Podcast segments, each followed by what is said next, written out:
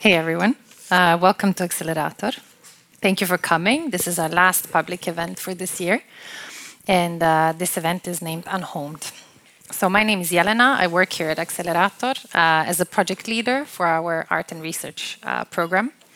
And the aim of this program is to bring together artists and researchers to discuss topics relevant for our ongoing exhibitions.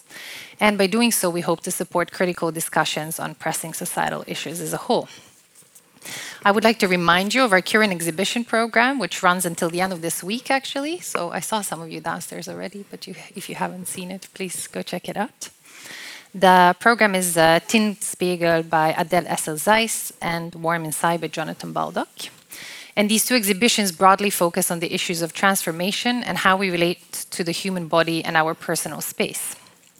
Today, we hope to build upon these topics by sharing our knowledge and thoughts on the issues of home and homing, hospitality and hostility, homelessness and houselessness, as well as body as a place of homing.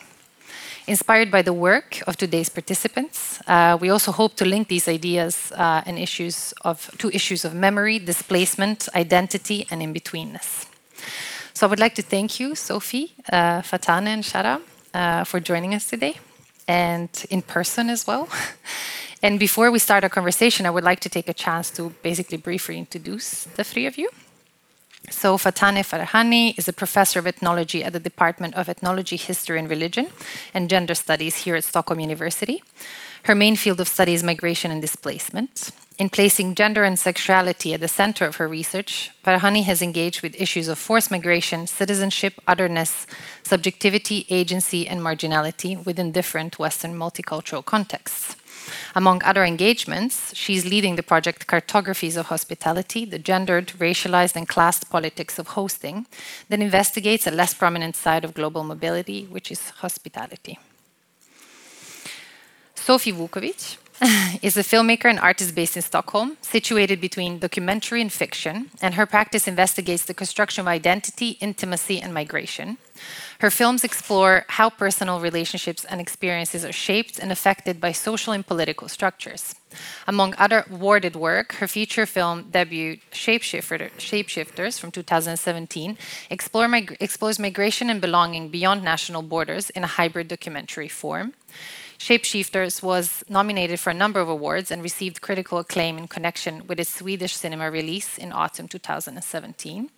And Sophie has actually been a part of another event here at Accelerator earlier in 2020. I think it was a January event. And the event was focusing on multilingualism. And um, at that point, Shapeshifters was screened in full length. But tonight we will have, or today actually, uh, we will have a chance to see an excerpt from Shapeshifters, about 10 minutes, but you're very, very encouraged to actually find the full film. Uh, it can be streamed on Triart Play, for example. So it's a beautiful film, and um, I hope you will see it. And finally, Shahram. Shahram Khosravi is a former taxi driver and currently an accidental professor of anthropology here at Stockholm University. His research interests include the anthropology of Iran, forced displacement, border studies, and time. Um, he's also co-founder of Critical Border Studies, a network in which scholars, artists, and activists can interact. And I think there is also a Facebook group, which I encourage you all to also check out if you're interested in these topics. And I would like to finally thank all of you for coming, actually, um, despite all the all the things that are happening, which I will not get into. Um, so yeah, I would like to start this conversation by just giving like a brief introduction of my own thoughts on this topic and how I came to this. And then I will um, basically ask you several questions, and we will see the movie, part of the movie. And after that, uh, that should take about maybe an hour. And I hope to then open up the discussion to the audience, and you're all very encouraged to, to take part of this. So, house, family, household, dwelling, abode, dinner table, hospitality, hosts, guest. Those are some of the words, word associations that come up if you Google the word home. To work from home in order to stay safe during the ongoing pandemic. To spend cozy time with your family at home during Christmas holidays. The notion of home is often marketed and readily associated with comfort and safety. Yet this, is not, uh, this does not hold true for everyone and not for all spaces. In relation to that, here is a photo of a piece by British Palestinian artist Mona Hatoum called Homebound from 2000. I'm sorry for you, you can't really see it, therefore. but it's an installation in which you've wired furniture and kitchen utensils with an active electric current. Professor and author um, Bell Hooks, who sadly passed away just yesterday, actually, acknowledged the violence the home uh, can entail, especially for women. Yet she also wrote about home place, a site of organizing and resistance, a private sphere um, where one does not directly encounter racist aggression. My hope for tonight's conversation is therefore to problematize this idealized and normative notion of home together with all of you, especially in relation to the academic and art worlds. So I will actually start with a question for Fataneh, and hopefully Sophie and Shahram can join us um, in this conversation and share your thoughts. So, in your article named Home, Homelessness, and Everything in Between, a route from one uncomfortable zone to another, you evoke um, Avtar Brah on how different experiences due to gender, class, age, ethnicity, and sexuality, among other factors, render home as a source of safety and, uh, or terror, but also safety and terror. And I'm just wondering if you could tell us um, more about your thoughts on this. Like, um, what does it mean, source of safety or terror, but also safety and terror? And if you can just use the mic, that would be great. Hello, everyone. Good to be here and good to be with you. Particularly, it was wonderful to watch your film, uh, which for me kind of underline uh, the issues in the uh, article that you uh, you were mentioning. Um, the reason I use after uh, Avtar Brah when I worked on my PhD is that most of the people who have used the concept of diaspora, they looked at the diaspora. Most of them was white. Uh, uh, male scholars who use the concept of diaspora through the um, Armenian and Jewish people experience. And by being introduced uh, by Avtar Brah, she not only kind of challenged the, uh, the way that most of the diasporic scholars use the concept of home as a, as a place uh, that most of the people, uh, diasporic people, desire to return, uh, Avtar Brah could uh, actually underline that the home uh, is not for everyone a place that people desire to return.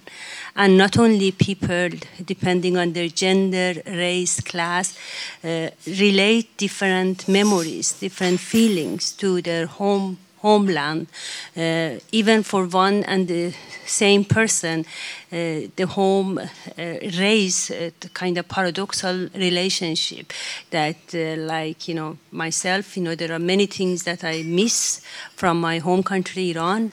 At the same time, I'm very happy that I escaped many things. So that concept of home, just for me, and comparing, of course, with uh, many people I know, uh, from my own family member to, to uh, friends that I see, and of course, you know, living within the diaspora highlight for me some of the issues that I was blind for. I mean, I know that the concept of home is very much gendered, but uh, like as somebody who come from the capital and was born in Tehran, I never reflected over the issue of race and ethnicity. But uh, when I came to Sweden, I could realize that, you know, of course, you know, how much I was blind for my privileges as somebody who was born in Tehran and raised in Tehran. So that part of, and I could remember the issue of the jokes and the marginalization that many people who came from other part of the Iran faced when I was in Tehran, and I didn't pay enough attention even I was very young, but just I could see that. So just for me, just when I'm saying that the home is a source of safety and terror, just I really would like to look at the home and the sense of you know belonging or not belonging through an intersectional perspective, how just people depending on their gender, race, class, political faith, political belonging or not belonging, faith, uh, and of course closeness or distance to the normative aspect. It just you know can feel more home or less home in a different in different uh, um, situation. It's just not you know it's not that I don't feel home or I feel home or Iran is home or is not home or Sweden is home or is not. It's a changing, shifting, depending on what's happening and with whom I am, with where I am, and just all these things is changing all the time. Hmm. So that is what I can say now. Thank you. Thanks. Is uh, anybody ready to add something at this point? You're okay for now? No, yes. Okay. Yeah. Yes. um, in relation to yeah for, for me i mean it is important to say that for me home is not house yeah? So when i talk about homelessness i'm not talking about houselessness yeah? So everyone needs a shelter a place to live. So that that's yeah it's it's uh, important to say in beginning. Um, saying that i I want to also say I have ethical, um, you know, um, this is my, my, you know, ethical um, approach. I mean, th there are some basic ethically problem with idea of home, idea of belonging, and um, idea of you know other other issue like integration. Yeah, integration uh, in and belonging and home. Um, I think there are very basic uh, ethical problem associated with these concepts, um, and and this is maybe why we are sitting here and problematize uh, the notion of home. Uh, what is home? Uh, who who needs home? Um, as Fataneh said, so home is. Um, can be a space of uh, you know domestic violence. Um, uh, at the same time, uh, um, Bell Hooks, uh, who passed away yesterday, talk about home place. So this place adding to home is important for me because you know emphasizing on space, on on place. Um, so it, it is different of notion of home. For me, home is um, uh, a problem because um, because it's a space of imagination, as uh, ma many uh, white European scholars, bourgeois, belonging to middle class, um, did, uh, you know, associated home to a space of imagination, and uh, that imagination is somehow very dangerous um, which is um, you know in you know when it it it appears in form of uh, uh, nationalism, racism, in form of exclu exclusion, ex ex exclusionary mechanism. Um, and um, I mean, Martin Heidegger, um, the German philosophers who we all know what he had for, you know, political interest supporting uh, Nazi uh, ideology, he made uh, a distinction between a place of residence, that place you, you live in, like a house, you, you spend your time, and um, um, home, a place you, uh, you know, a, pl a, place for dwelling. So, so he did, and he wrote an article after the Second World War, and he, he was, you know, it was. Uh, he's um, he was worried that home is disappearing yeah? Uh, that, that we live in houses but we are losing homes. So homes for martin heidegger was exactly the space of imagination yeah? Space of imagination which is linked to racism which is linked to nationalism which is linked to the exclusionary mechanism. So for me it's um, I, I I um, I reject home and belonging um, based on that, you know, mm. uh, threat of of um, mm. which I just uh, mentioned. Yeah.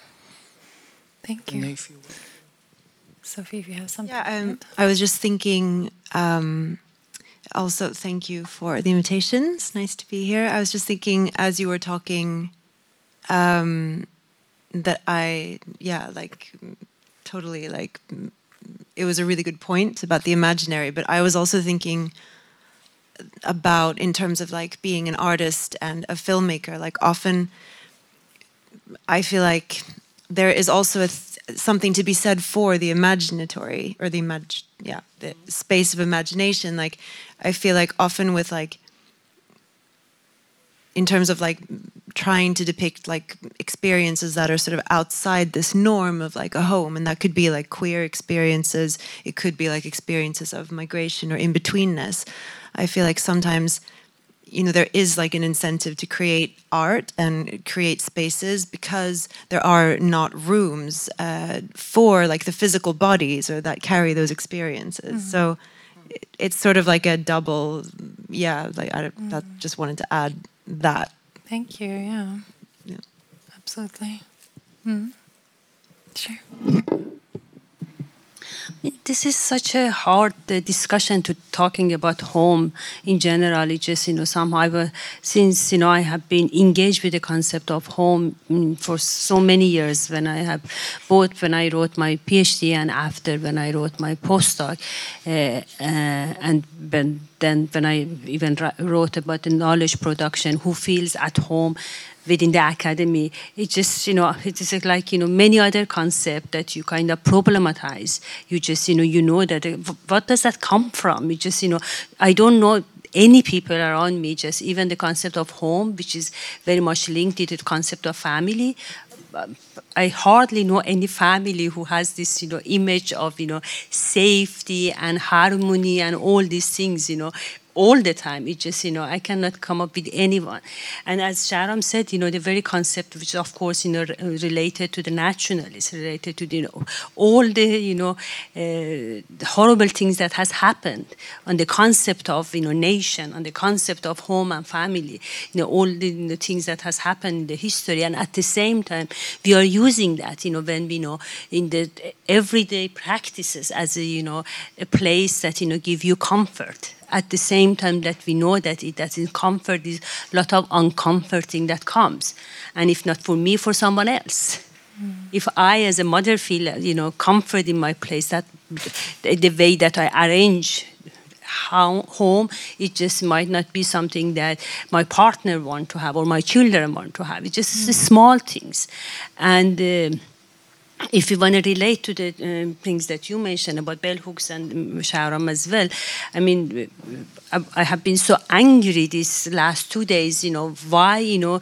in the Swedish media, it just there is no name, you know, just in the and Swedish uh, radio, it just no one has acknowledged, has mentioned uh, that uh, bell hooks, a person who has such a uh, you know fundamental impact on uh, several generations of uh, activism, of scholars, and you know it's a person who has written about 30, 40 books, and just you know just uh, they don't even you know mention you know when she's gone, and just you know how do I feel at home? Just uh, that's a very sense when I wrote you know about you know who feels at home. When you know do you look at the list of the literature, you know, by topic of the courses, and what surprised me when I wrote that uh, article uh, and you know challenged you know gender studies and you know my own disciplines about you know uh, who feel you know marginalized in the department.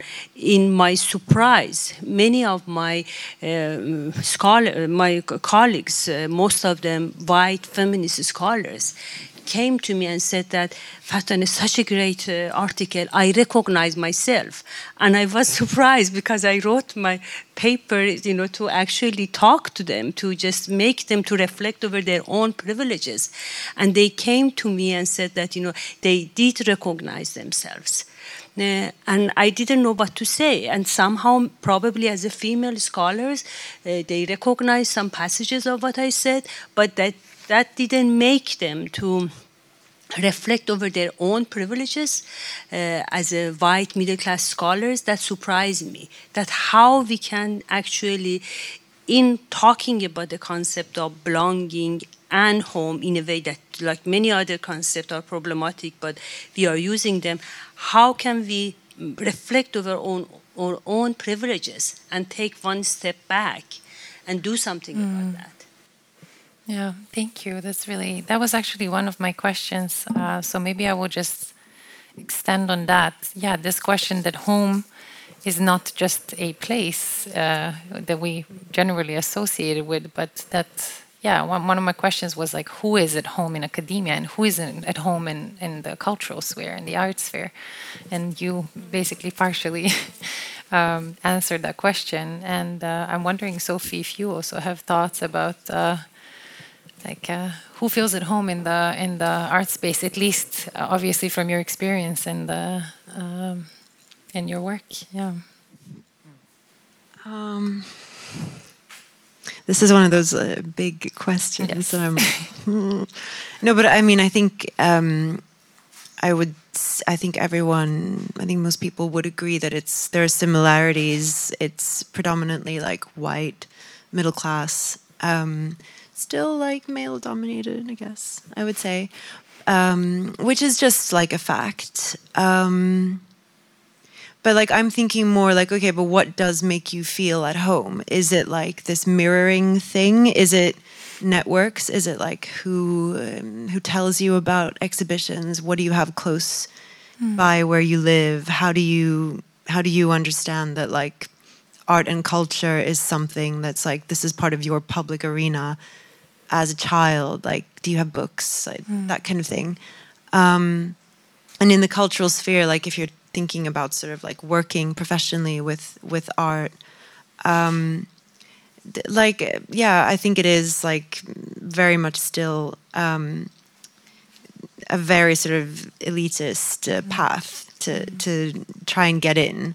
Um, I think it's changing in Sweden. Like I'm only going to talk about Sweden because that's all I know. But mm. um, I think there has been a lot of change, and I think like you can see that, and it's very like strengthening.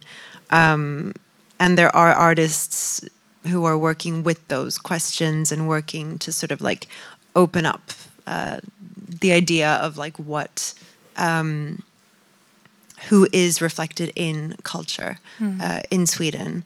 And um, my colleague Salad Hilowle, who was mm going to join us, yeah. but is not here. Mm. He has an exhibition in Kulturhuset right now, which is called Publikt, and he's working with like what is the image of um, Afro-svenskar, Afro-Swedes, mm. um, and and how can he like he's looking at like are there alternative images that can be like um, presented and like it's this idea of like the public space like because i i see culture as like part of the public space so it is important who's included mm. who's who's seen there who's able to produce i think it is like part of like is this place like for me can i can i understand my experience mm. through like a narrative or through images or, or something i think it's i think it's incredibly important mm. it has been for me and that's why it is like important to, to ask those questions. Who's at home and what do we take for granted?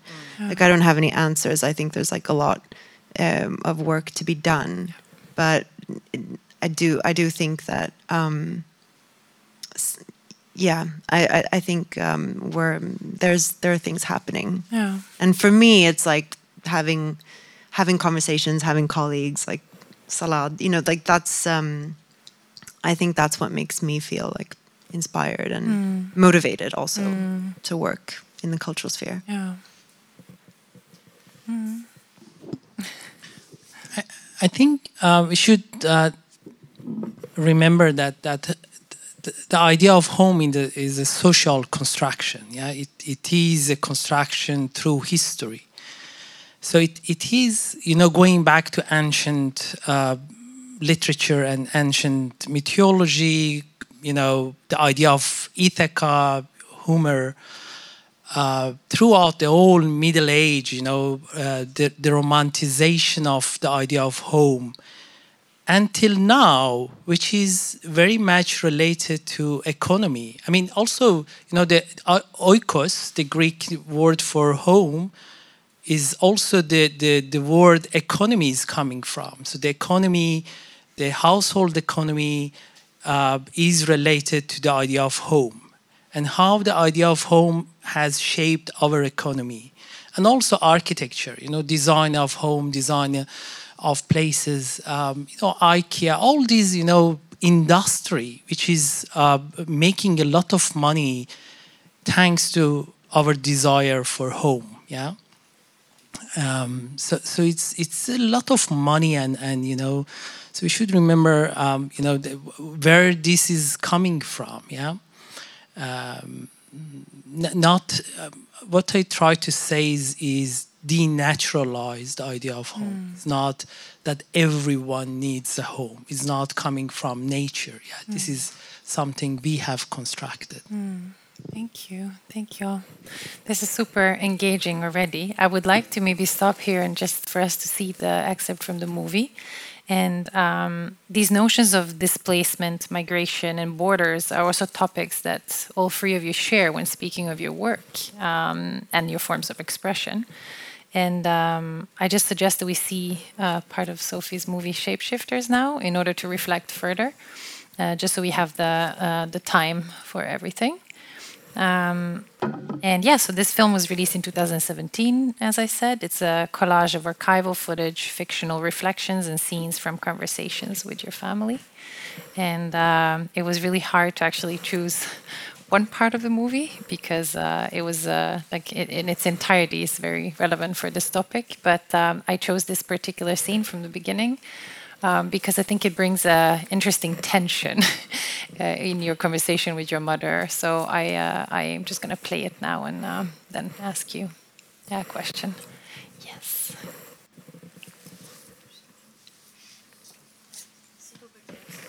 Sure, you feel free to, to yeah. I don't know if you want to watch your own movie. Maybe I don't want to sit under it. Yeah. yeah. Have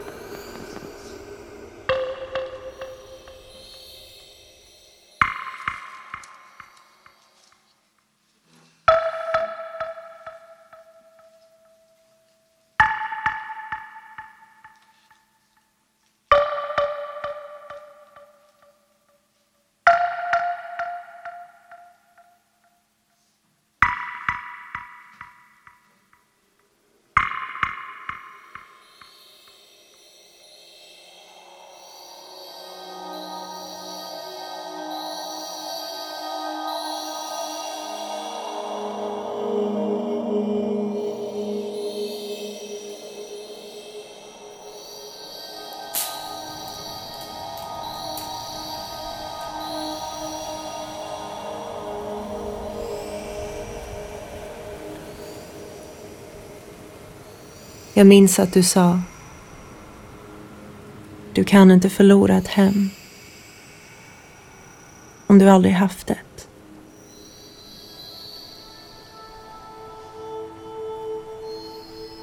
Hur kan du gå vilse om du aldrig började vid en fast punkt?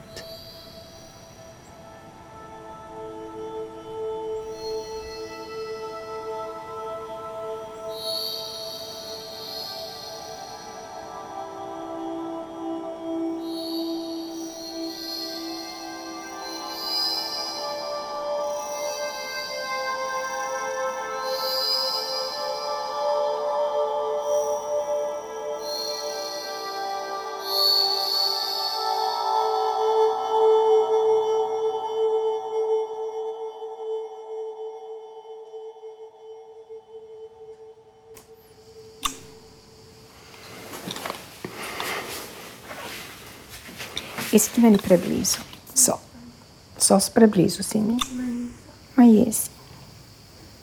Češ da mi se svaka bora vidi na filmu i da onda plačem. Lijepa si. Ma... Mama. Dobro.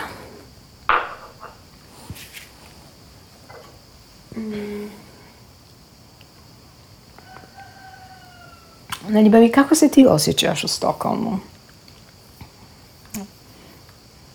U vlaku, na poslu, na ulici. Kako se osjećaš? Kako misliš? Ja se osjećam super. Ja se osjećam kao Marija cijelo vrijeme. bez ikakvog drugog svojstva osim jedne individue. Znaš, ja sam ti detached od, od ja sam ti samo, ja sam sebe odvojila od um, nacionalnosti. Ja sam se oslobodila nacionalnosti. Reci. Osjećam se dobro. Ali Ali? ne osjećam se kao ti. Ali se osjećaš barem Um imalo ko ja. Mrvicu ko ja. Mrvicu, mrvicu. Ja nemam problema s... I don't have I don't have a problem with where I come from or anything, but I fit into a category of citizens, I guess. What do you mean? Ja, mamma, vi är, alltså man är ju invandrare i andras ögon, det är klart. Det är klart. Och då måste man ta ställning till det, för man får sådana frågor på tunnelbanan ibland av främlingar. Man får... Man måste liksom förklara vad man har för ursprung. När Det- andra inte måste göra det. Och det Jo, men det, känns... för, det är skillnaden, det förklarar man. Men varför känner du dig som eh, invandrare? Ja, men det är inte varför? så jag känner mig, men jag känner mig... Alltså det är så jag blir sedd i alla fall. Men vem bryr sig hur, hur de ser dig? Alltså, det är Det- inte det är man bryr sig, det är att man hela tiden måste förklara och att man hela tiden... Man måste inte, Nej, man alltså, behöver man, inte. Man alltså det är liksom... Man behöver inte. Du väljer Ja, om du vill sätts- förklara eller inte.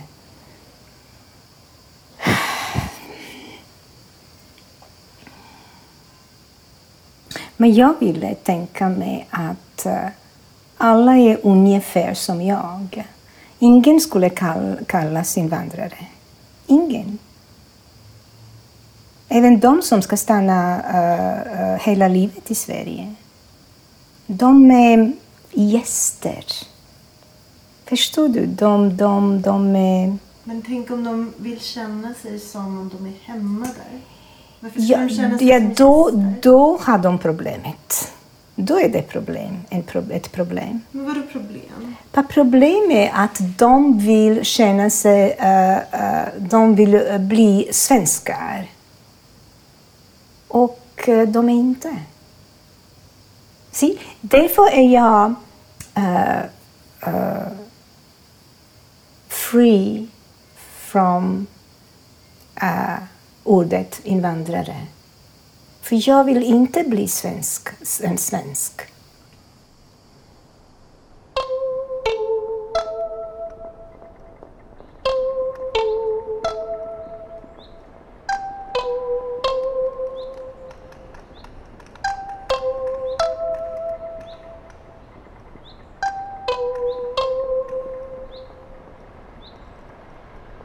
Jag minns att jag sa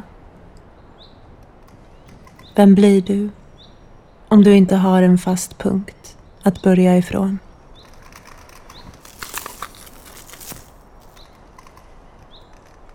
Du sa Berätta det för mig.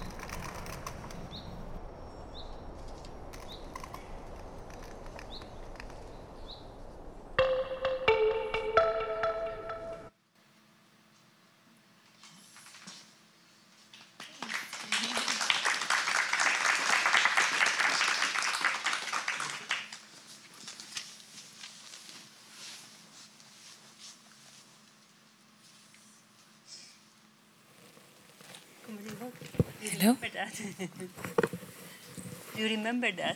Just you said that last time you watched the movie was four years ago. Yeah, and yeah. Actually, it, some things were like, oh, it's a long scene. But tell us about that scene. I'm curious. Yeah.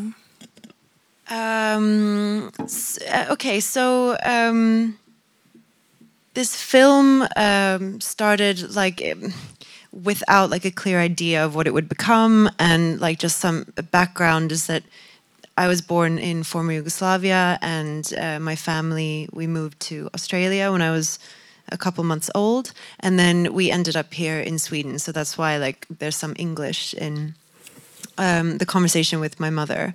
Um, so like I was sort of interested in um, seeing if there was a way of making a film ab- about like this feeling of like in betweenness, but I didn't really have like um, any notion of like how that would look because I feel like it's a really sort of internal experience, and I didn't really understand how it could become like a concrete film. Um, exactly, and then I was uh, at a documentary film school, Biskops-Arnö, um, and then so so I just decided to sort of start like investigating it, and I decided to like film conversations with my parents, just because I think I was interested in this sort of like generational um, clash, and I think there's like this sort of uh, lack of understanding or lack of like um, ability to like mirror experiences between my mother. She's like, big deal, like you're not at home, whatever, which says a lot about the fact that she actually does have a very fixed identity, like living in former Yugoslavia until she was 36.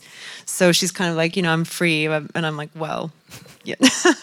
so so that was just like. Um, it was very like sort of exploratory, just like filming these conversations with my family, and I didn't think it would end up uh, in the film, mm. um, but we ended up like putting them in because there is this sort of um, interesting generational clash yeah. there. But yeah, it was that was the first thing I filmed. I think for the film, so I didn't really, I didn't, I didn't really think too much about it. Yeah, thanks for that. I also feel like these moments of your conversation with your parents are also kind of the most intimate part of the the movie, and I particularly like this scene because because of that clash of generational like uh, understanding of things and how you you share this space, but like uh, with very different experiences and starting points, as you you say in in the beginning. So I found it very interesting. Um, my question, actually, for for you, Sophie, after seeing the part of the movie, was exactly that: is this tension with which you're kind of like conversing. Um, but um, and yeah, there's so much to unpack there. But I guess I would ask you all a question, and maybe starting from from you, is um, yeah, how does the concept of home kind of link to the notion of national identity? And um, I'm also really curious about there's a moment where your mom talks about the word guests. And there is this this brings to mind this idea of like hosting or like hospitality and, and so on. So uh, it does you don't have to answer all of them, but I'm just like putting questions out there if, if you have something to add or if somebody else wants to start, that's also fine, yeah.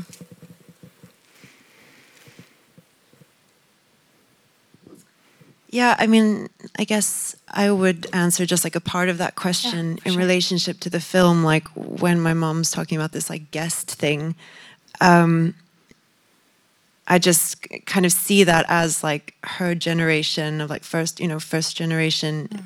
migration where there isn't like I think you either like feel it or you don't. And she's like, you know, maybe she sees herself as a guest, or maybe she doesn't have this need to feel at home or have this claim to like home or like maybe what I was talking about before, like where are the spaces where I fit in this society and um, which is obviously different if you're born here, if you like came here as a child or like my my experience. And I think that there's um, yeah, I just think that that's what she's referring to. Mm. I think it's a bit like rude of her to like use the term guests because it's like well you know it's, it's i think very, that's kind of the problem with like mm. when do you when do you stop becoming like uh, you know that thing like first generation second generation third generation mm. when do you stop becoming an immigrant i mean mm. it's a bit mm. ridiculous like to mm. even have like second or third generation immigrant as a term yeah and especially because also in german i don't know if it's the same in, in swedish but i know that uh, a lot of people from Yugoslavia were also referred as guest workers, right? In Germany, also Yugoslavs, Turkish people, and like there was like different, uh, different like uh, migrations at that point. But that was a very, how to say, it was a very present word that defined. I don't think it's used anymore, luckily. But uh, yeah, I think it's interesting because it does evoke this, these questions that both of you also work on. This uh, idea of who can be a host and who has to be the guest and everything around it. So yeah, thanks. Yeah. Um, I think this is interesting because in every culture, in every time, there has been this kind of host guest, you know. Mm. Um, but how it became like this um, today is, is interesting, racialized, you know, a matter of class because it's about worker uh, mm. migrants. Mm. Um, there is um, a saying uh, among Kurds, um, Serhat maybe correct me if I'm wrong, but I heard from Kurdish friends that there is a saying that a guest is a guest until 40 days. After 40 days, he or she is the host. So, you know, but, but the question today is that people are kept as guests in generations, you know, we call them second generation migrants. So, so this guest identity goes generation to next generation. Mm. So there is something um, problem there. So mm. the conversation is coming from, I guess. Yeah. Mm. Yeah. Yeah, I agree. And it was really, I think it was a good way to see also how you differ in that opinion, like and you clash in that. Yeah. Yes. Uh, if I may, I want to actually go uh, go back to your film, and there is uh, several conversations going on in your uh, film. One of them is that one that we saw together now, just a conversation with your mother when she encouraged you to kind of ignore uh, what other people think, just uh, and refer you to the kind of sense of belonging, if want to say, or you know, comfort that people who are unmarked, you know, kind of you know feel. And then there is a conversation that you have with your father, who is unable to understand your desire to go back home to his country, and uh, why why do you want to go back there? Or if you were there now, do you understand how young people in your generation, uh, what is the situation? They are unemployed, you know, there are even rate of suicide, you know, just, you know, doesn't understand your desire to understand. And the third conversation is with that friend that we don't know who she is or he is. And you remember her strategy of passing in the Swedish society in order to, to be accepted and you always kind of you know envy her that you know she tried to kind of pass speak the language in the right way until you see her to that anti-racist demonstration that you were there as well after 10 years. So just even she who tried to pass and become that you know the integrated one whatever you put it in the very complicated concept of integration she was not accepted. She was not accepted. She was on the, the same anti-racist demonstration that you were there. So that kind of different, you know, dialogue that is going on in the movie, it just says something about, you know, particularly your generation who kind of, you know, inherit, you know, your parents' experience of exile at the same time it's not your experience you just kind of you know uh, you carry their experience at the same time that you, many of you have been born here or just have been uh, too young to be able to relate to the very specific of your parents. I mean, for those of you who read Swedish, you probably have followed those uh, several of uh, fictions that has come, you know, from different so-called second generation, as Shahram said, uh, immigrants, you know, like Atena Farrokhzad, Pooneh Rohi. Now I don't know the, most of Iranian who has written uh, Balsam Karam, who is a Turkish one. Uh, uh, and uh, Elnaz uh, I guess, and all of them, you know, when now they actually have become mother themselves, they just realize that, you know, what do I have to give to my uh, to to my daughter or to my son? I just somehow just feel kind of you know, emptiness. They carry the you know the ex- exilic, diasporic experience, racist, all these things. But at the same time, they feel that that's not their own. And all of them are married with white middle class Swedish guy, are placed in that you know middle class space of the Swedishness that they don't feel at home. So that kind of you know just I somehow you know when I was watching your movie, just I uh, could see how this movie actually has a conversation with those written narratives. You have a very vivid kind of visual narrative, and you succeed to bring those, you know, different generation and yourself in the middle of whatever we don't want to put any name to that uh, while you know other people in your generation try to have a kind of written narrative and what are we supposed to do with that? I mean, what what what is our job, you know, or each of us actually? Mm. Thanks. Time yeah. I talk, I don't know what. you can just put it down there. Yeah. Yeah. Thank you, Fataneh. I hope you recognize him. That just I took over. It. yeah. Hmm. Yeah. Anyone wants to? Say something so? Um, maybe I can. Um, for me, one one question is. Um, um you know, um, criminalization of homelessness. Yeah, what, what, other side of this prizing home and belonging is homeless people. Yeah, mm. or houseless people. Mm. Yeah, and and since the Middle Age, we see how in Europe homeless people have been targeted. And, and this is interesting. In many European countries, anti homeless laws were acts, you know, being in, in force until 20 years ago. Can you imagine? To 2014, uh, three person in UK were, uh, you know, sentenced to, to prison for being homeless. Yeah, and there is also an interesting economic aspect here. In many um, laws in from Belgium, Germany, Finland, I don't know about Sweden, Russia, um, and and United States, homeless people, anti-homeless acts were linked to labor. So people were forced to prison, but also to forced labor. So so very cheap labor force, yeah. So, so this is also interesting. I mean, this prizing home, home is beautiful, sweet home, blah blah blah. The other side of that, this is forcing homeless people to work for free, mm. yeah, because mm. they were have been criminalized. They are still criminalized. Look at mm. what how you know what happens to Roma people in Stockholm. Mm. So this is criminalization is still going on. Mm.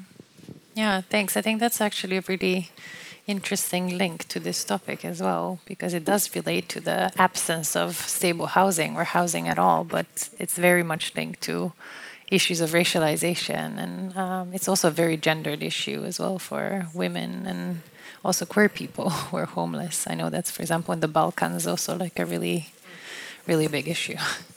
yeah, thanks for that, Shahram. Actually, I, I do have like a question for you in relation to your text, and maybe that's going to be one of the last questions before we open up to the audience. And um, yeah, in your piece that you shared with the three of us, Border Conversations, The Impossibility of Home, I, uh, I think it's available. Is it available uh, online? Yeah? Yeah, because I wrote it for exhibition in yeah. yeah. Exactly, yeah. So if anybody wants access to these things, you can also just approach me and I can share with you. Um, so, yeah, in your piece, uh, you're right. And I quote When facing the same border you have just crossed again and again, you will realize the impossibility of crossing, of arrival. You will realize the impossibility of being at home and having a home. So, I I'm just really interested in this connection uh, of that you make between borders and kind of embodied uh, borders and uh, the question of home yeah. homelessness. Yeah. I think this is very much what you show oh. in your movie. Yeah, so you you you you keep, you know, uh, you keep crossing borders, but borders always is ahead of you. Yeah, you you cross borders, but you never cross the border. Yeah, so so. um, as Hannah Arendt said, you know, as a Jewish, um, German Jew- Jewish philosopher escaping Nazi, uh, she said that the tragedy is not losing your home. The tragedy is, is failing finding a, a new home. Yeah. So this is exactly more or less same thing. That that uh, no matter how many borders you cross, yeah, you you never arrive. Yeah and um, and here of course I'm, I'm referring to invisible borders you know mm. uh, uh, racism discrimination you know keeping you always all out you know as you said you you you, uh, you are asked always uh, where are you from where are you from is not a question where are you from is a statement yeah um, it is a statement saying that you are not from here yeah it's not a curious question to know which geography you are coming from. Yeah, it's, is a statement that you are not from here. Remember that. Yeah. So so this is why I I, mm. I wrote that way. Thanks. Yeah, I have one question for um, all of you as a kind of final one because. Uh, obviously, this this topic, as everybody uh, kind of like can notice, is a, is a really big one, right? There's a lot to unpack. There's a lot of connections, and um, it just kind of seems to me that um, it, this this concept or notion of home is is more problematic than useful. And my question to all of you, and maybe starting with you, Sophie, in relation to the movies, like. Um, basically like um, you also ask in the movie at one point why would i have to find a home i've never had one so in relation to all of that i'm wondering if the concept or the notion of home has become redundant completely like and maybe some final thoughts of how we can think better about these issues because as sophie you mentioned like there is something in creating this space of imagination also for bodies that aren't yet or not so visible in these spaces. So yeah is it redundant? Uh, do we need it? And if not what is a better way to approach it? Yeah just thoughts. Yeah. Yeah, no, I would say I think it's um, I think like community is super important. I think it's like um, necessary for survival. I think you have to have like spaces with people um, where you feel, um, you know, like in connection with others. I think like we need that. We can't survive without it. So maybe like this idea of home, it's more like how has that been defined? It's like sort of a like heteronormative nationalistic like mm. hegemonic project like who gets to like that idea or that word has like these connotations but i think like creating these spaces of like sharing um and like communal space that's like that's super important mm. and and will never be redundant but i think there's just other ways of doing it mm. and it can look like whatever and you know like as i said in the beginning i think like for me, part of like an artistic practice is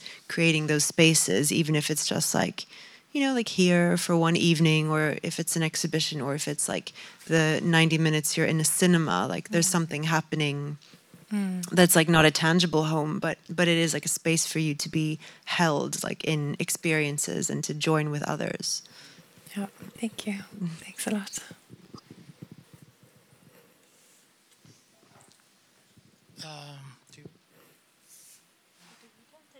Yeah. Fataneh has her own. yeah.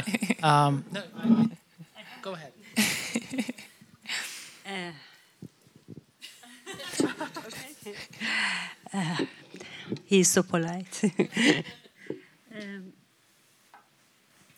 uh, I mean, with all the problems that we um, raise from different angle about the concept of home, uh, the concept is there and uh, and is used uh, in the very problematic way in many aspects. And we actually ourselves are using that in uh, everyday practices. Uh, so I have been thinking that if the concept of home uh, somehow indicate to the uh, to the kind of both temporal and spatial and socio-cultural kind of you know orientation that give you a sense of belonging another problematic concept. What makes me to have a sense of belonging. Now, when I have, you know, spent uh, most of my adult life uh, outside of my home country, and I have lived in many different countries, uh, and in the very different room, I feel very differently, and uh, there is no way that I have a sense of uh, total comfort or belonging. And I have been thinking, okay, what gives me more comfort? And nowadays, when I'm getting older and very nostalgic about everything, it just, uh, I uh, have realized that I speak with three languages. I don't feel at home in any of them. Uh, just English is more than less my English my academic language. Swedish is kind of my everyday practices. I have came to Sweden when I was 19. Uh, and Persian is my kind of the language that I think with, the language that I feel, the language I enjoy Persian literature. Uh, and I just feel that, you know, the sense of comfort that the Persian language give it to me nothing else is give it to me. So that the, the, sense when I am in the Iranian gathering and just the way that I feel that my body is kind of in a sink mm. in the concept of words, language, that is there I feel kind of comfort.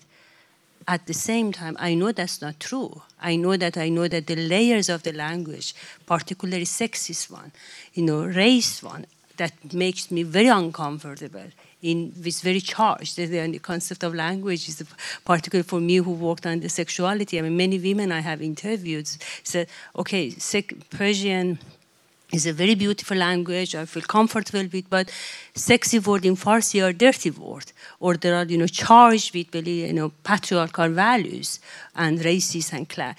So it just somehow is now no, it's, even the language is not there either. So just you know that kind of you know searching for, and that's why from the beginning I said that kind of you know intersectional kind of understanding of this, you know, changing, all the time changing, that how I feel differently depending on uh, where I am, with whom I am, how that sense of being home or unhome is changing all the time. Mm. That's why that question, do you feel at home, it just it makes me angry. It's not a sense that you have it or you don't have it. It's just, you know, it's all the time is changing. Shifting. so. Yeah, thank you very much. Thank you. I was thinking about James Baldwin, uh, African, a, a, black American writer who, who escaped from United States because of racism uh, and lived in, in, in, in France uh, until he died.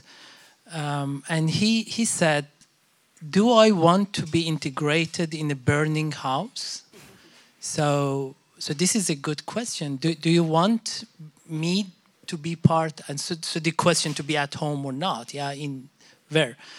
Um, and I think you are, yeah, right. It's important to to have, you know, um, space for um, mobilization. You said, or community, community for resistance or no, you you use a, a word. No, sure. no, yeah. So I was thinking, um, uh, mobilization is related to mobility. Yeah, mobility, movement. They are same word. Yeah, and. Um, uh, as Rosa uh, Luxemburg said, uh, if you don't move, you don't notice your chains. Yeah, you don't hear them. Yeah, so this is so moving is important. Um, so how to, to, to realize what is our limits, what is our chain, what we should do. So I think imagine, you know, going back to your question is okay, we know about home, we, we have discussed so how we can imagine a different way to live on the earth, a different way to organize humanity. Uh, outside without the notion of home and homeland and mm. belonging. Yeah. Thank you all very much. I think that this brought so much uh, nuance to this difficult uh, notion and also to this difficult topic. I don't know. I feel like for me personally, that's also like a, it's a very personal topic for me as well. So it really helps me think um, and like kind of work out my own my own questions in my mind. And I'm sure some of you have the similar experience. So yeah, I would like to thank you. Um, I would stop here with our conversation, and if it's okay for you, I would like to open up the questions uh, from the audience, and uh, I will be running around. Maybe I can borrow one of the mics. Thank you. And yeah, please, anybody? Yes. You can uh, just say your name quickly and. Uh, yes. All right. Uh, very interesting uh, conversation. I was just wondering, like you were speaking about home in without um, uh, defining. I mean, we speak about home as comfort, home as um, exclusion, inclusion, and uh, language, and uh, community, and being accepted. But especially this um, home as a, a nation-state project uh, interested me because I was wondering, like, you can talk about home as space or as comfort like home is where the heart is and to feel accepted and comfort and but what what's uh, what i'm wondering is uh, let's say as ethnical swedish uh, person that goes to like let's say they're from Norrland and they go to skåne is it that home or let's say a ethnical swedish uh, born in stockholm that goes to rinkeby Rinkeby, is that Sweden? Is that home? Like, do they feel home? Because what I'm thinking is, in the suburbs, like people that grow up in Husby, Rinkeby, places like this, they feel home in the local, not in the nation. Like, I'm born in Sweden. When I come to Sweden, like when I'm in, when I'm away, like you talk about movement, when you're away, you, you start thinking, what is home? But when I'm in Stockholm, I'm home. But when I'm in, when someone asks me, I don't say that I'm Swedish.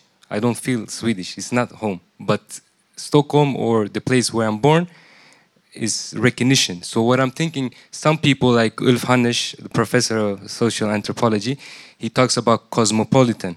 So he speaks about the global. And I'm thinking the local and the nation. If you can talk something about like nation state, local and global, like home in that sense when it comes to space? I don't know. It's not really a question, but.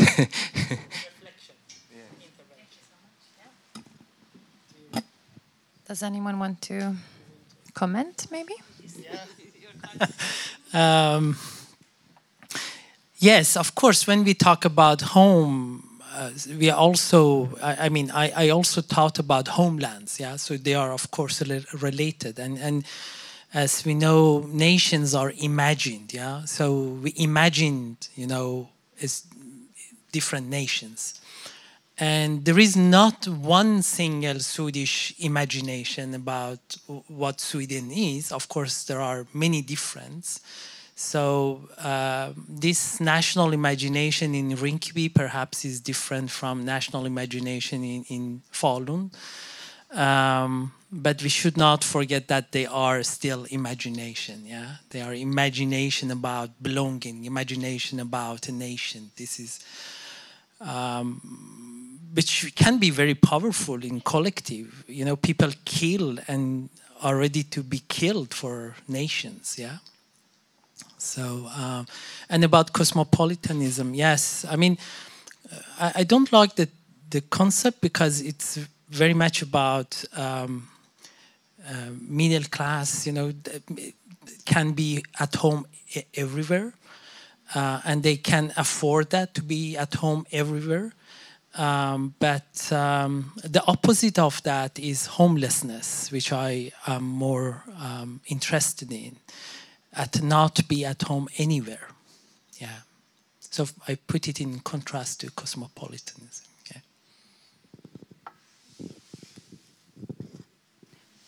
Just want to give an example of uh, just um, in addition to what Shahram explained, just one of the good examples that I often uh, thinking about is the you know when the fall uh, when the wall um, Berlin uh, Berlin wall fall fell it's just between uh, East Germany and West Germany. Just imagine that you know these people just all of the not uh, all of the sudden you sleep and in the morning when you sleep your country is gone. So just you are still there but your country, that imagined, you know, nation is not there. And I uh, often, you know, actually thinking about one of my colleagues who has uh, written her PhD about the concept and, you know, interviewed a lot of, you know, uh, East German people, just, you know, the sense of, you know, belonging, their home just is gone. It's just that it, you, you still live in the same place but the country doesn't exist anymore. So just, you know, it says something about that it's not only the place, there are so many other politics around that, you know, who define, you know, what you should feel, where you should feel, how you should feel, uh, to belong or not belong, or whatever is associated with that. Thank you. Sophie, you're good? yeah, no, I mean, I just, I think it's a really valid point about the local uh, as well, because like in um, in this film, there's like this uh, friendship develops from like childhood to starting high school in like a um, inner city in Stockholm, and then there's this. So I was also thinking about like the only time that you really are in contact with like at home or not at home or is in relation to the environment. So like in in this story, like the two friends, like my me, my character, as I say, um, start at this start both at schools like in the city and then there's like a change in in how like their identity and their friendship develops because it's the first time you notice that like okay wait there is like oh okay, am i not is this not normal? Because like I, I, thought everyone was like this or whatever. Um, and and that's valid because i think the local is like more of a sort of true sense of home if you think of just like in as like a person and not like these ideas sort of thing Yeah, it's relational. Thanks. Yeah. More questions, please. Yes. Thank you. Um, yeah, hi, I'm Julia. For those who don't know me, um, I'm a student of Shahram's, uh, in social anthropology, and uh, what's really sort of visible in your conversation and also in the film uh, is this paradox of making home, like making a home for yourself, creating a safe space or choosing your community, all of that, but also uh, that home is something that other people decide for you. Uh, and deciding that you belong or don't, um, pointing out what sort of buildings are homes and what sort of buildings are not homes. Uh, and within that, it seems to be also a question of power and having the power to say things like, you come into my house and disrespect me, or, or you know, there's a, a power uh, factor within home. And I was just wondering if you could say something about that. Um, okay. Um, I think uh, especially from the film and Sophie, Sophie, yeah, with your mother that she was saying um, it felt like she was taking power, taking control over her situation as a as a migrant as well.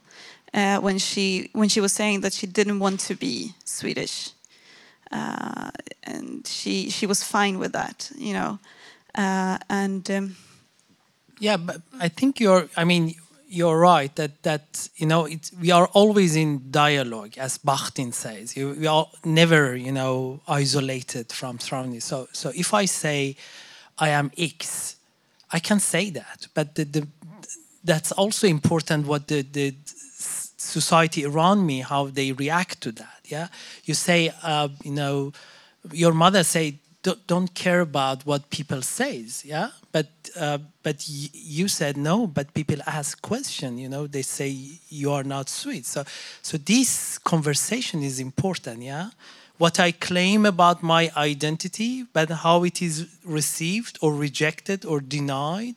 And this is about power, of course. Yeah, who who who has power to put condition. This is conditional inclusion. Yeah, I, I put condition to you, your identity. Yes. So yes.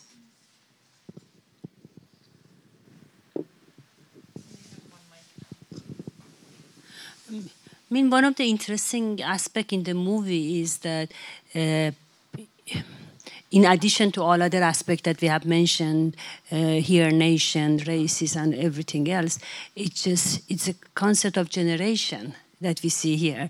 And as uh, somebody who is a mother now, and I see, you know, the problem that my own daughter is facing, and how I'm trying to make her strong, and it just, you know you should uh, just ignore them. It just you should you know ask them. It's just in the, the way that your mother trying to you know uh, uh, you know make you strong. It just not that he, she doesn't understand what's happening to you or your father. You know, it's just why are you going to go back there?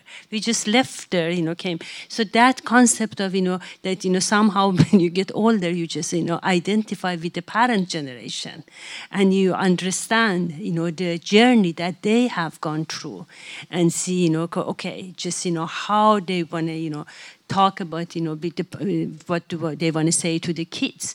And now when we are sitting here as a, you know, filmmaker or uh, scholars, you know, you know, trying to problematize those concepts, you know, theorize, you know, just uh, going back to bell hooks, one of the her citation that I loved, just, you know, she says that I came to theory because I was hurting you know, because of the, you know, the pain that I had, I started to understand what's happening to me. And every time I read that, I really, you know, get so emotional because I understand it. You know, when we are sitting here and talking about the concept of home, belonging, not because it's hurting, you know, somewhere it's just something, you know, just through whole your movie, I could feel, you know, every second of that, both in my own journey and how I am relating to my own kids, and many other people around me, my friends' kids, you know, you are coming and accusing them. Why did you left Iran? Why did you bring us here? Why do you expect that we do that? So, just and parents do they think that you know the kids don't understand their journey. So just you know that and it's one way that when we try as a scholars, as an intellectual, whatever you call it, try to understand that pain through you know kind of problematization. But one day your kid sitting in front of you and you want to make her strong for everything that happened. And then something else has happened it just is not that you know i give her okay ignore that you know that doesn't home doesn't exist you know just you know all these things. I cannot say that to my 10 years old. I want to you know give her sense of entitlement. This is your home as much as is everyone else so it's just a different story that I want to, you know, make her that you can own this as any any other kids in the school, for instance. So it just is a kind of it comes in a different story into the picture, everyday picture of what's happening, I guess.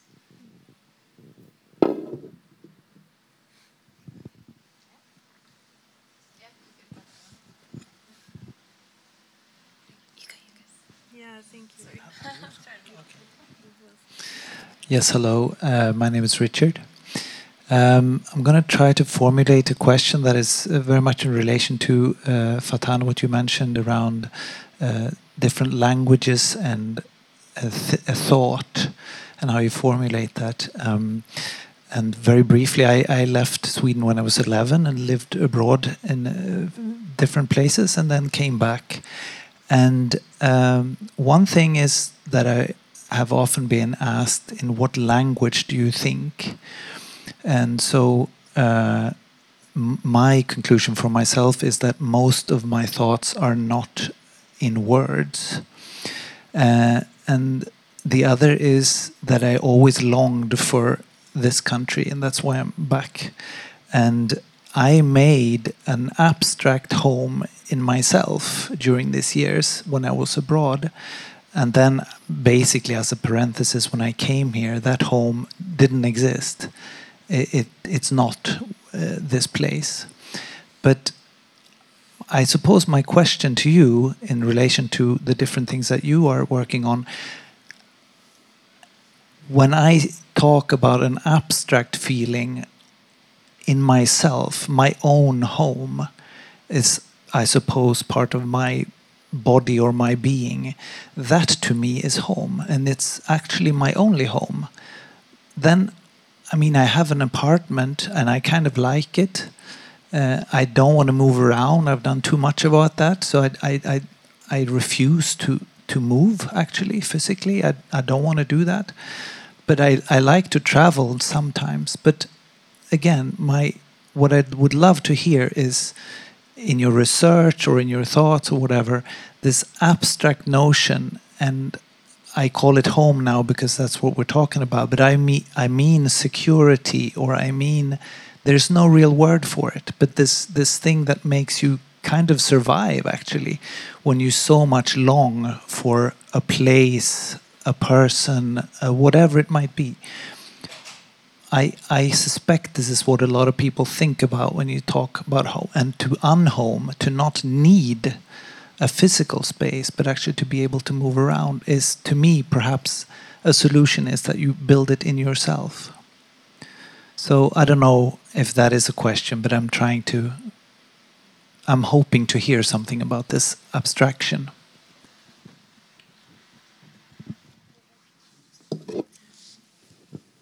Yes when when we say home is a space of imagination of course you know is a kind of abstraction yeah?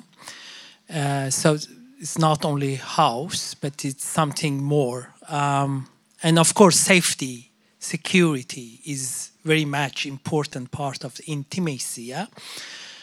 Uh, space of for affections sexuality and all these part of you know human relations yeah? Part of my, my my problem with that is that so many people who are excluded from that yeah? So so many people who don't have access to that safety. Even if they have a house um, their house is burning yeah? Um, there is no safety um, uh, so, so, so for me, the problem with home is that is not shared. That that sense of safety, homeliness, nice, you know, feeling, sweet feeling is not shared for millions. I don't know, hundreds of millions of people in the world. Um, so that that that's um, that that yeah uh, yeah, so language maybe, yeah, that was part of your question too. Go first. Yeah, I, I guess I'm just also thinking about that thing of. Um, I feel like I was kind of talking about something like that before. Like you, you have there's a desire to like create a space, like a security.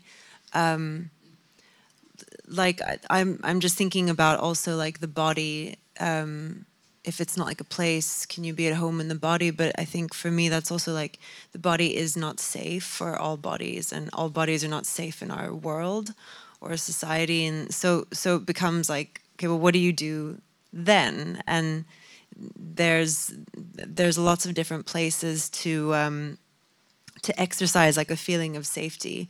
Um, sometimes I think the imagination is really important if you don't feel safe in your body. Um, sometimes I think you, like, or I've I've sort of seen that that you need to create something else, and like, what is that then? Is an interesting question, and yeah, I don't know, but um, obviously everyone has the right to feel safe in their body, uh, but it's not how the world is really, which is sad. um, okay, your turn. And this is very hard question because it's very personal and it's very kind of you know political at the same time and not that this is strange because uh, the personal is political uh, but it just uh, somehow in a personal level uh, I I hate to be in the same place I just I love to just be in the different places. And the reason that during the last 10 years I haven't moved as much as I did before is just because now I have a daughter and I cannot make her to my project and just, you know, take her with me everywhere I want to go. Uh, and, uh, but I just, I don't like it. I just, you know, I feel kind of, you know, part of me is always, you know, longing for being somewhere else. And I know that when I'm somewhere else, I don't like it either. It's just, and I know that most of my personal growth has been when I have been moving in different places, and has, you know, kind of widened my personal, emotional, intellectual perspective in a way that no books has helped me. So, at the same time as Shahram brightly uh, underline that I know that that is I have so many capital, just you know, having first of all the right passport, just being able to speak three languages, having the you know degree, just you know, I know that I can you know pass, uh, not always easily, but uh, com comparing with many other people, you know, I can do that. Uh, even you know, comparing Shahram as a kind of uh, Muslim or you know Middle Eastern man and Middle Eastern woman. There are different things is associated to our bodies, so I can easily, more easily, probably pass in the airport as Shahram because we have been in the same conferences. He has been staying in queue when I have passed. So there are different border for us, uh, which is very gendered. Uh, so um, I know that this ideal is far from most of the people in this world. So in that way, just you know, I. I'm happy that you have that sense of comfort, and then you want to do. But I, as Shahram said, that is far, far from you know being accessible to most of the people in the world, unfortunately. Thank you. Thanks for the question. Yep. Was there some? There was somebody here before you, so yeah. Um, my my question is kind of molded a bit as I was listening to everything that you were saying, but um, I guess from hearing about the different interpretations of home, I guess we can all loosely agree that it's ultimately a exclusionary principle, and looking at the etymology of it is fascinating because it enables us to kind of anchor the idea that this is an economic construct. Home and nation are both exclusionary, um, and so with that, the idea that there's a and we understand home ultimately in some ways as an economic unit. And then we build layers upon it to um, assert and differentiate and categorize to maintain those power structures. But then fascinatingly like when we talk about language it's at, at both times it's reasserted by people saying statements like where are you from? but also re- reclaimed in the way that you find persian as a language that you feel. Um, so my initial question was kind of going to be an inversion of the previous, and how can we how can we relate to space in a way that isn't inherently about ownership, because that's ultimately what it forces us to do. And I guess like there's a subversion, like these subversive tactics is what you're doing in your film. It's creating and creating space, and so that was going to be my question, but I'm reflecting on it and I'm thinking ultimately, as much as there's an abstraction of like spaces and that, what does this mean and how can we build things that make us feel safe, there's also an inherent kind of assumption that we all agree that when you were talking about your daughter, the stillness in space was a necessity for her to develop and grow. So I guess it's kind of a two-parter. In in one sense, how do we like subvert the constructs, the physical constructs in our everyday, like speaking our languages or creating things, but also how do we navigate that with trying to balance the idea that actually physical space is important? That's my question. also, everything was super, super interesting. yeah, yeah. Um, yeah, thank you. Um, I was thinking when listening to you and your question, and, um, and some of my students are here, and I was thinking, if I go back to your movie and and um, if there is a feeling of being at home, is this that you don't need explain your presence, yeah, And the only place I don't feel, I don't need to explain my presence, is when I teach.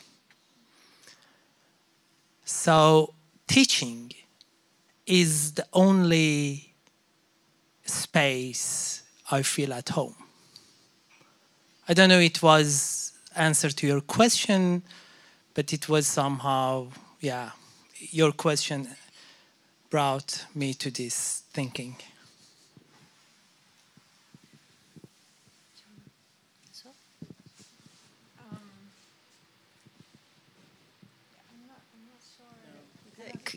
Yeah, maybe pass. but it was an interesting reflection, so thank you for that. Gosh, Shahram, I'm so happy uh, to to hear that that you feel at home when you are teaching, uh, because for me, just there are so many layers of you know what are you entitled to teach? I mean, now I love to teach about the stuff that I'm teaching, uh, and I choose. Uh, but at the same time, I know that you know some of my colleagues uh, has a right and privilege to teach and be the expert with the capital E uh, for every uh, subject. While you know I'm usually teach on migration or you know the stuff like that. So just you know uh, it's somehow you know who who is entitled to be the anthropologists or the ethnologists or gender scholars, you know, being expert on everything, just, you know, super, supervise, you know, every student, each student in every topic. So um, uh, that you have this space that you just, and I'm, I'm very happy to hear that. I, unfortunately, I don't feel that. I get very happy uh, when my students, uh, most quite often racialized uh, students, come to me and express a sense of comfort and happiness that they see me there and they think that I understand them. Uh, and at the same time, I don't like the idea to reduce uh, the problem that we have in our society to, to representation. Just look now, we have, you know, this and that scholars who is, you know, racialized.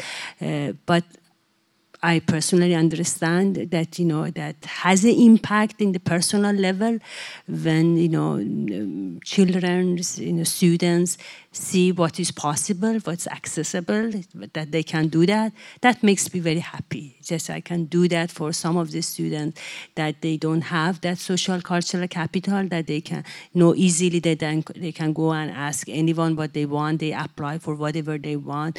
Uh, comparing with you know some uh, middle class white uh, students that they have a large uh, social and cultural capital that uh, approach uh, the class, the topics very differently.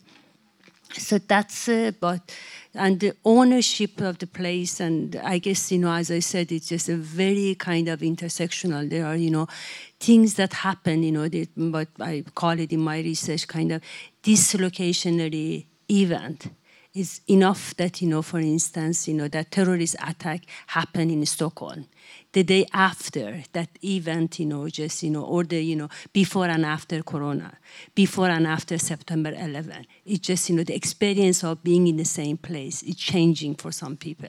So just, you know, it's like, you know, um, and my life that has been kind of several dislocational events, you know, before and after revolution, you know, before and after the war, before and after the migration, you know, that makes your life, you know, to before and after. There are some events that, you know, that is not only the place, gender, race, class. It's just what's happening, those events that kind of dislocate you. This dislocated event that for some people is, has a very huge impact in their lives. So, and that's, you know, has an impact on the sense of being home, whatever it is. Thank you so much. I just want to, before I give mic to Martin, I just want to say also that I think it's, I know that a lot of your students, I don't know who is exactly a student, but I think it's also interesting that, that you share that because I shared that experience as being a student recently at, at SU.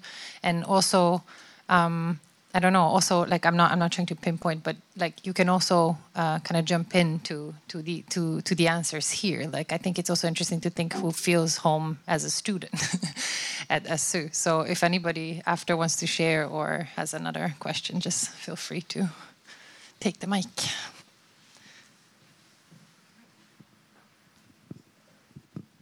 Thank you. And uh, my name is Morten.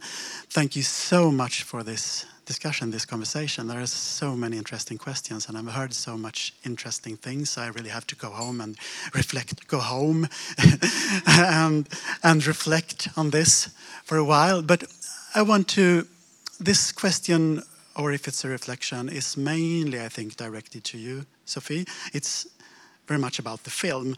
Um, I saw your film Shapeshifters last week, and I must say I loved it. I think it was absolutely wonderful, and it also made me think a lot.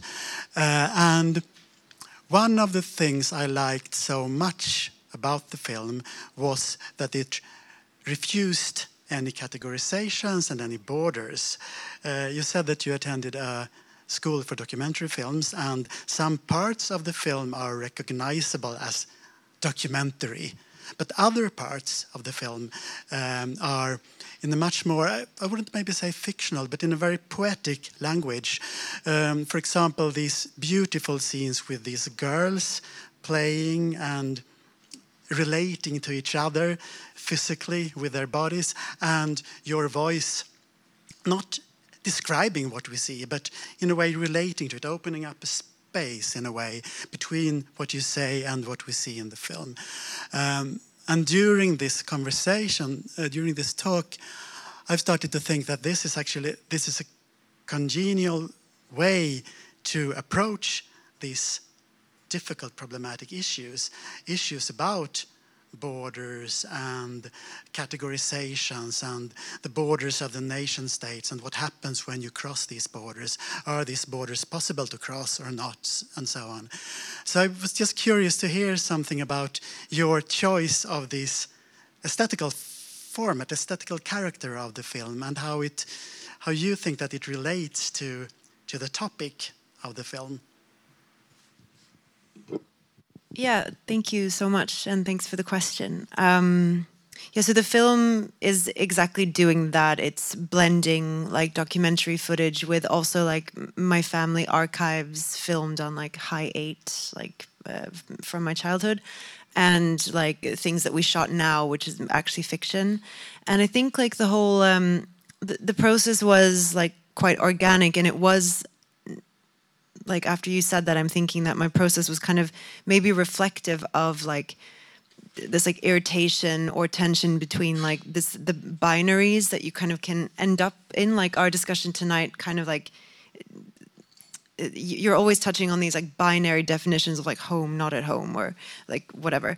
Um and i think i was always like frustrated with that. And in my film was like, is it a documentary? Is it fiction? Ugh. And it was always this like tension. And I think I kept like trying to just look for the sort of most interesting form or truest form, which meant that I started like straight up documentary, but then I soon went over to this essay form with like a voice and like working more uh, with associations and more visually. And I think visually is like I'm freer in a way, like language or like language. I think language is quite like for me very limiting.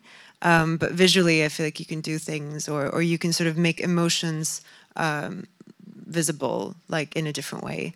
Um, and then these sort of like fictional sequences with uh, the girls that came last, and everything was born out of a frustration with the form that I was in, and it didn't really work. And then um, so it just sort of was part of the film's DNA that it ended up like that, and like the form is supporting um, the the sort of sentiment of the film um, as well. But it really was. I can't say that it was like a sort of conceptual because I don't work conceptually. I work quite like intuitively. So it was just born out of my frustrations with the process, and, and I think that my those frustrations like are the frustrations that we're talking about as well, in a way. And then the the problem was like, okay, how do we make this like not totally like what is going on like the audience has no idea what to follow so we had to sort of the voice was this backbone that sort of um, kept everything together so because it is sort of like moving between past and present and fiction and yeah. So yeah.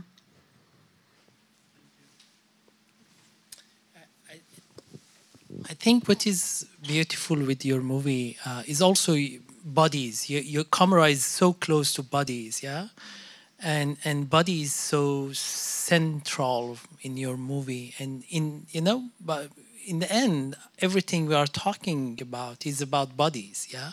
Which body can be at home, which body cannot be at home, which body is targeted by borders more than other bodies, yeah.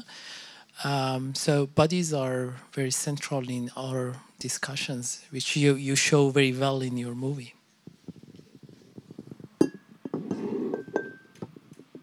Thank you, Sophie, for that answer and for the great question. Do we have more questions or reflections? I'll check the time, actually. Yeah, so it's 20 minutes to 6. And uh, yeah, we can take another question if there is one. Yes. Um, I think this is more of a. Uh, my name is Yasmin, by the way. Um, I think this is like a wondering reflection. I don't know. Maybe it's a question. We'll see. Um, I think it's interesting that this movie touches on the different dimensions of home, not at home. You were mentioning like it's often secluded into binaries.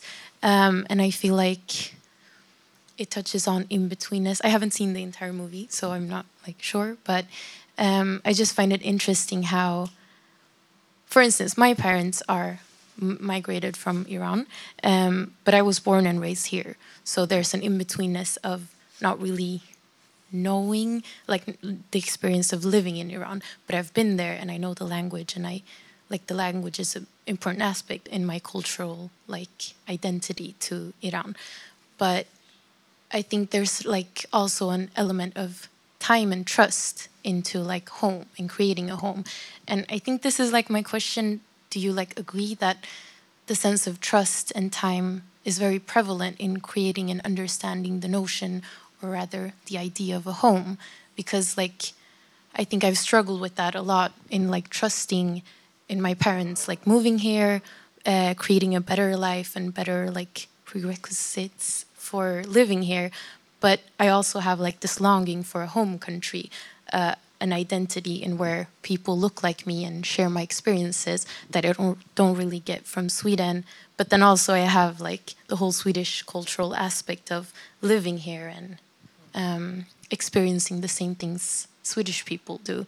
So, like this, I guess, identity crisis, could it be like connected into partly trust, trusting, you know, my parents, trusting um, people surrounding you in creating a home, but also time in in in relation to different generations experiencing different things. You know, I don't have the same experiences as my mother, but we do share similar background in a sense.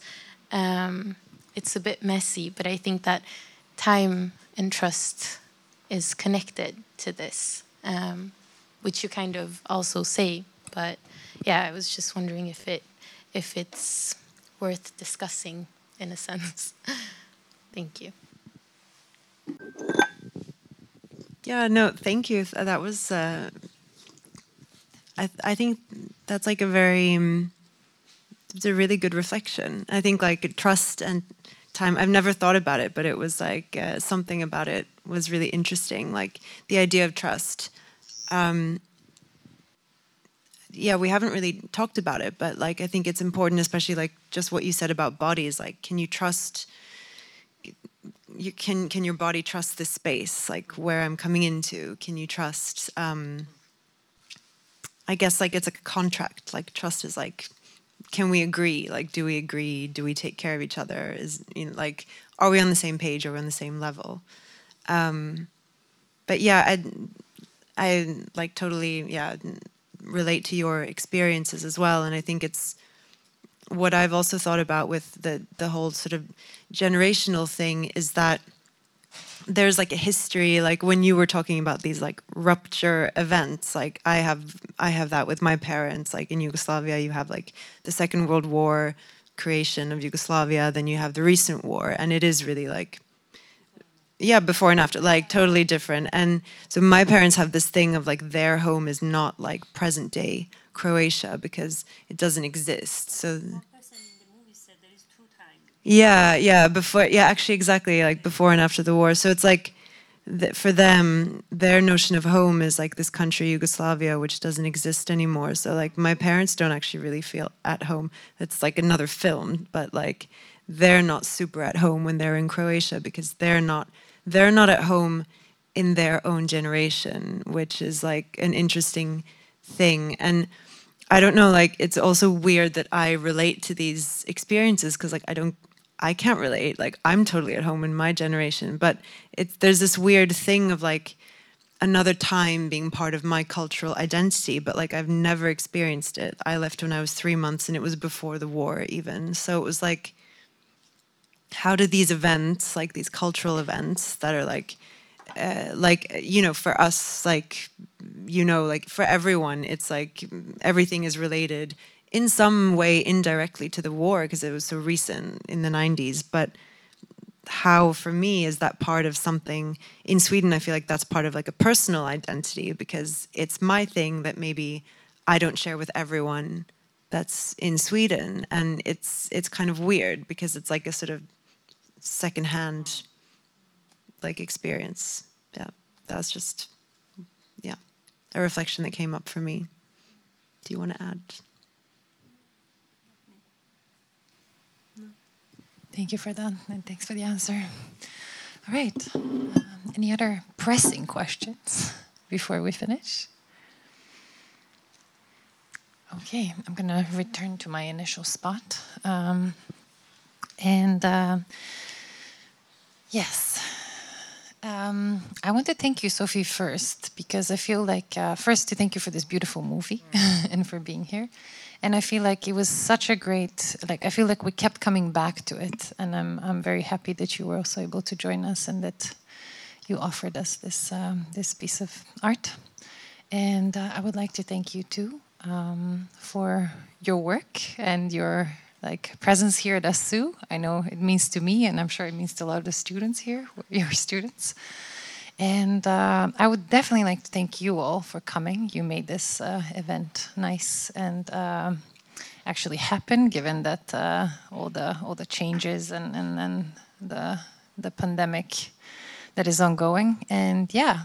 Um, Thank you, Elena, for all Thanks. And I really hope that you can join our uh, events in the spring. They're going to also be very uh, topical and kind of like what's really beautiful about this is that I believe that it kind of links us to what is to come. I'm, I'm like, I'm, it's okay to share, right? Now we're public with it.